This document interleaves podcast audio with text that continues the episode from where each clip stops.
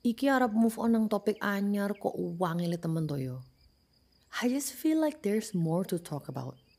But let me assure you that this will be the last bit of Masa Lalu Chronicles.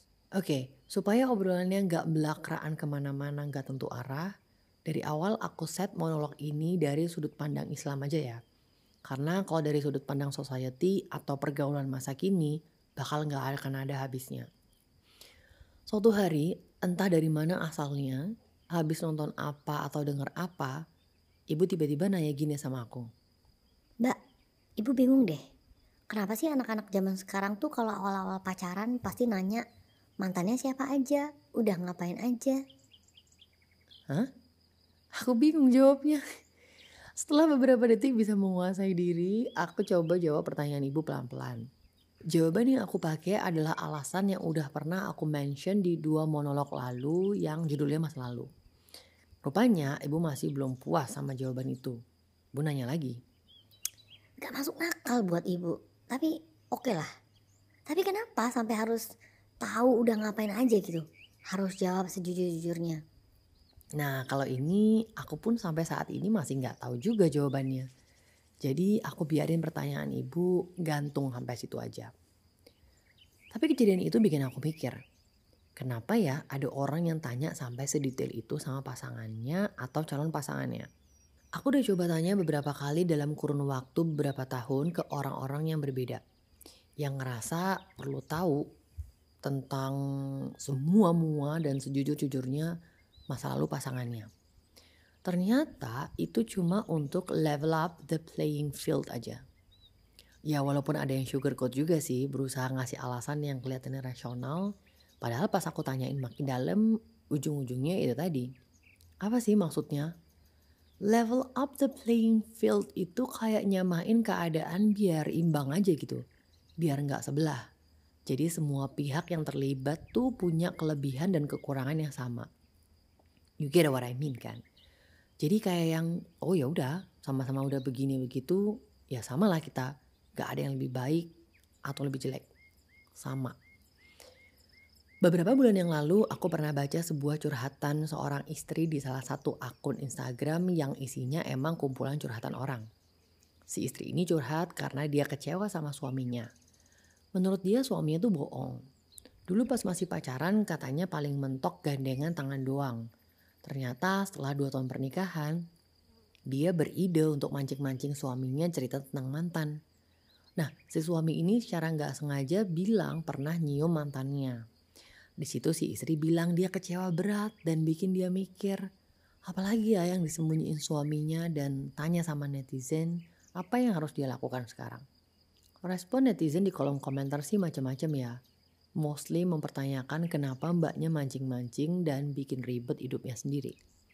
Yang sebagian lain malah ikut curhat kalau suaminya juga pernah kayak suami mbak curhater tadi dan sampai sekarang mereka dihantui sama perasaan itu tadi.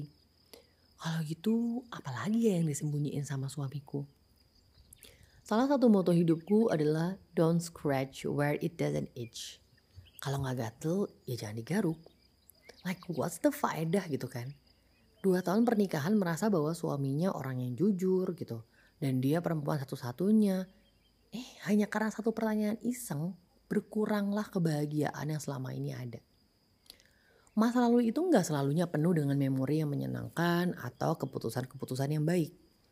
Sebagai manusia biasa yang lemah, banyak bagian dari masa lalu kita yang berisi memori yang bahkan kita nggak pengen inget-inget lagi dan keputusan-keputusan yang kita sesali karena kebodohan dan kefakiran kita akan ilmu agama. Hal-hal yang bahkan mungkin cuma Allah dan kita yang tahu. Hal-hal yang kita nggak pengen orang lain tahu. Jadi sebetulnya perlu nggak sih kita tahu semua yang pernah dilakukan sama calon pasangan kita sebelum menikah? Boleh nggak sih tanya udah pernah ini atau itu belum? Kan katanya kita harus saling jujur sebelum menikah. Dan boleh tanya apa aja gitu. Nah itu adalah inti dari monolog ini. Hampir semua kajian yang aku dengerin dari Ustadz Khalid, Ustadz Syafiq, Ustadz Firanda, Ustadz Nuzul Zikri, semua menyatakan hal yang sama. Kita nggak perlu tanya tentang udah pernah ngapain aja dulu-dulu sama mantan. Udah pernah ini itu belum? Dan kalaupun ada yang bertanya, ya nggak usah dijawab. Buat apa? Kecuali seorang laki-laki dengan spesifik mensyaratkan istrinya harus perawan ya. Nah kalau merasa sudah enggak, ya udah jangan diterusin. Tapi tetap nggak perlu menjelaskan panjang lebar apa-apa yang sudah terjadi gitu. Ada sebuah cerita di zaman Rasulullah Shallallahu Alaihi Wasallam dulu. Diriwayatkan dari sahabat Buraidah. Ia berkata, Suatu ketika Mais bin Malik datang kepada Rasulullah Shallallahu Alaihi Wasallam. Lalu ia berkata, Wahai Rasulullah, bersihkanlah aku. Rasulullah pun menjawab, Apa-apaan kamu? Mohon ampunlah kepada Allah dan bertaubatlah. Lalu Mais pun kembali mendekat pada Rasulullah Shallallahu Alaihi Wasallam seraya berkata, Wahai Rasulullah, bersihkanlah aku. Rasulullah Shallallahu Alaihi Wasallam pun menjawab, Apa-apaan kamu? Mohon ampunlah kepada Allah dan bertaubatlah. Mais pun kembali mendekat lagi dan berkata, Wahai Rasulullah, bersihkanlah aku. Rasulullah Shallallahu Alaihi Wasallam pun menjawab kembali, apa-apaan kamu? Mohon ampunlah kepada Allah dan bertobatlah. Cerita ini sebetulnya masih panjang dan bisa dikaji sendiri. Kisah tentang Rasulullah Shallallahu Alaihi Wasallam dan pengakuan Ma'is. Tapi kisah ini yang pernah dijadikan contoh oleh Ustadz Firanda radhiyallahu anha. Bagaimana Rasulullah menyikapi seseorang yang membuat pengakuan tentang masa lalunya. Reaksi pertama beliau bukan bertanya apa aja yang udah dilakukan, tapi beliau langsung menyuruh orang tersebut untuk memohon ampun kepada Allah dan bertobat. Kalimat yang sama diulangi hingga tiga kali. Well, what I'm trying to say is, kita nggak punya kewajiban dan keharusan untuk nyeritain setiap detail masa lalu kita ke calon pasangan. And it's okay kalau mau nolak jawab juga. Kalau ternyata dia malah pergi gimana nya? Ya simple, dia bukan jodoh kita. Udah, gitu aja. Dan kita juga nggak punya hak untuk menanyakan setiap detail kejadian di masa lalu pasangan kita.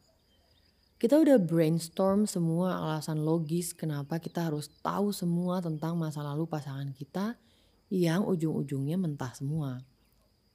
Karena suka nggak suka, kita harus mengakui kalau itu nggak lebih dari sekedar tuntutan zaman aja. Tuntutan dari dunia tipu-tipu ini nggak pernah disyaratkan dalam agama, bahkan nggak jadi salah satu pertimbangan yang Rasulullah Shallallahu Alaihi Wasallam sampaikan dalam memilih pasangan. Dan kalau hidup kita ngikutin tuntutan dunia yang tipu-tipu ini, lihat aja, nggak lama semuanya bakal berantakan. Bakal ngerasa sumpek sendiri, ngerasa paling teraniaya dan akhirnya menuntun pada keputusan-keputusan irasional. Buat yang dulu pernah melakukan kesalahan besar dan kecil, minta ampun sama Allah, taubat dengan sungguh-sungguh dan minta Allah beri kekuatan untuk bisa terus istiqomah dalam taubat kita. Udah, fokus kembali ke Allah, sibukkan diri dengan belajar ngaji, nggak usah mikirin nanti nikah gimana, gak bisa dapat laki-laki baik atau apa pun itu. Itu semua biar Allah yang atur. Tugas kita cuma berusaha untuk menjadi orang yang lebih baik dari kemarin. Karena tahu gak sih Rasulullah Shallallahu Alaihi Wasallam bersabda, setiap umatku akan diampuni kecuali orang yang melakukan jahar. Di antara bentuk melakukan jahar adalah seseorang yang di malam hari melakukan maksiat namun di pagi harinya, padahal Allah telah tutupi, ia sendiri yang bercerita. Wahai fulan, aku semalam telah melakukan maksiat ini dan itu. Padahal semalam Allah telah tutupi maksiat yang ia lakukan. Namun di pagi harinya, ia sendiri yang membuka aib-aibnya yang telah Allah tutup. Hadis riwayat Bukhari nomor 6069. Laki-laki yang ngaji pasti tahu tentang hukum menceritakan aib ini dan tahu bahwa seburuk apa pun masa lalu gak akan ada artinya di mata Allah selama orang tersebut sudah bersungguh-sungguh bertaubat dan terus istiqomah di jalannya. Karena Allah maha pengampun dan maha penerima taubat hambanya.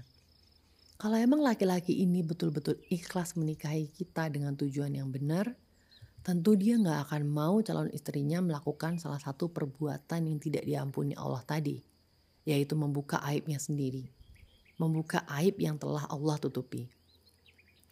Dan untuk yang masih melakukan maksiat, terus berusaha berubah jadi lebih baik lagi. Mulai tinggalin satu-satu yang Allah larang, mulai berproses.